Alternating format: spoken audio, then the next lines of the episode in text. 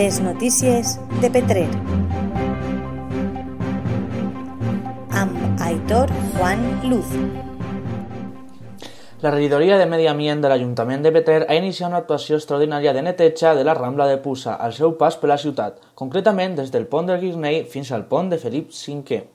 El regidor de l'àrea, Fernando Díaz, ha afirmat que es tracta d'una actuació extraordinària que no es duia a terme des de fa 16 anys.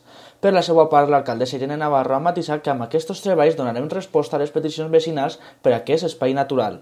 Cal destacar que l'Ajuntament de Petrer ha comptat amb tres empreses diferents per a fer els treballs i amb un pressupost total proper als 10.000 euros. Les notícies de Petrer. Amb Aitor Juan Luz.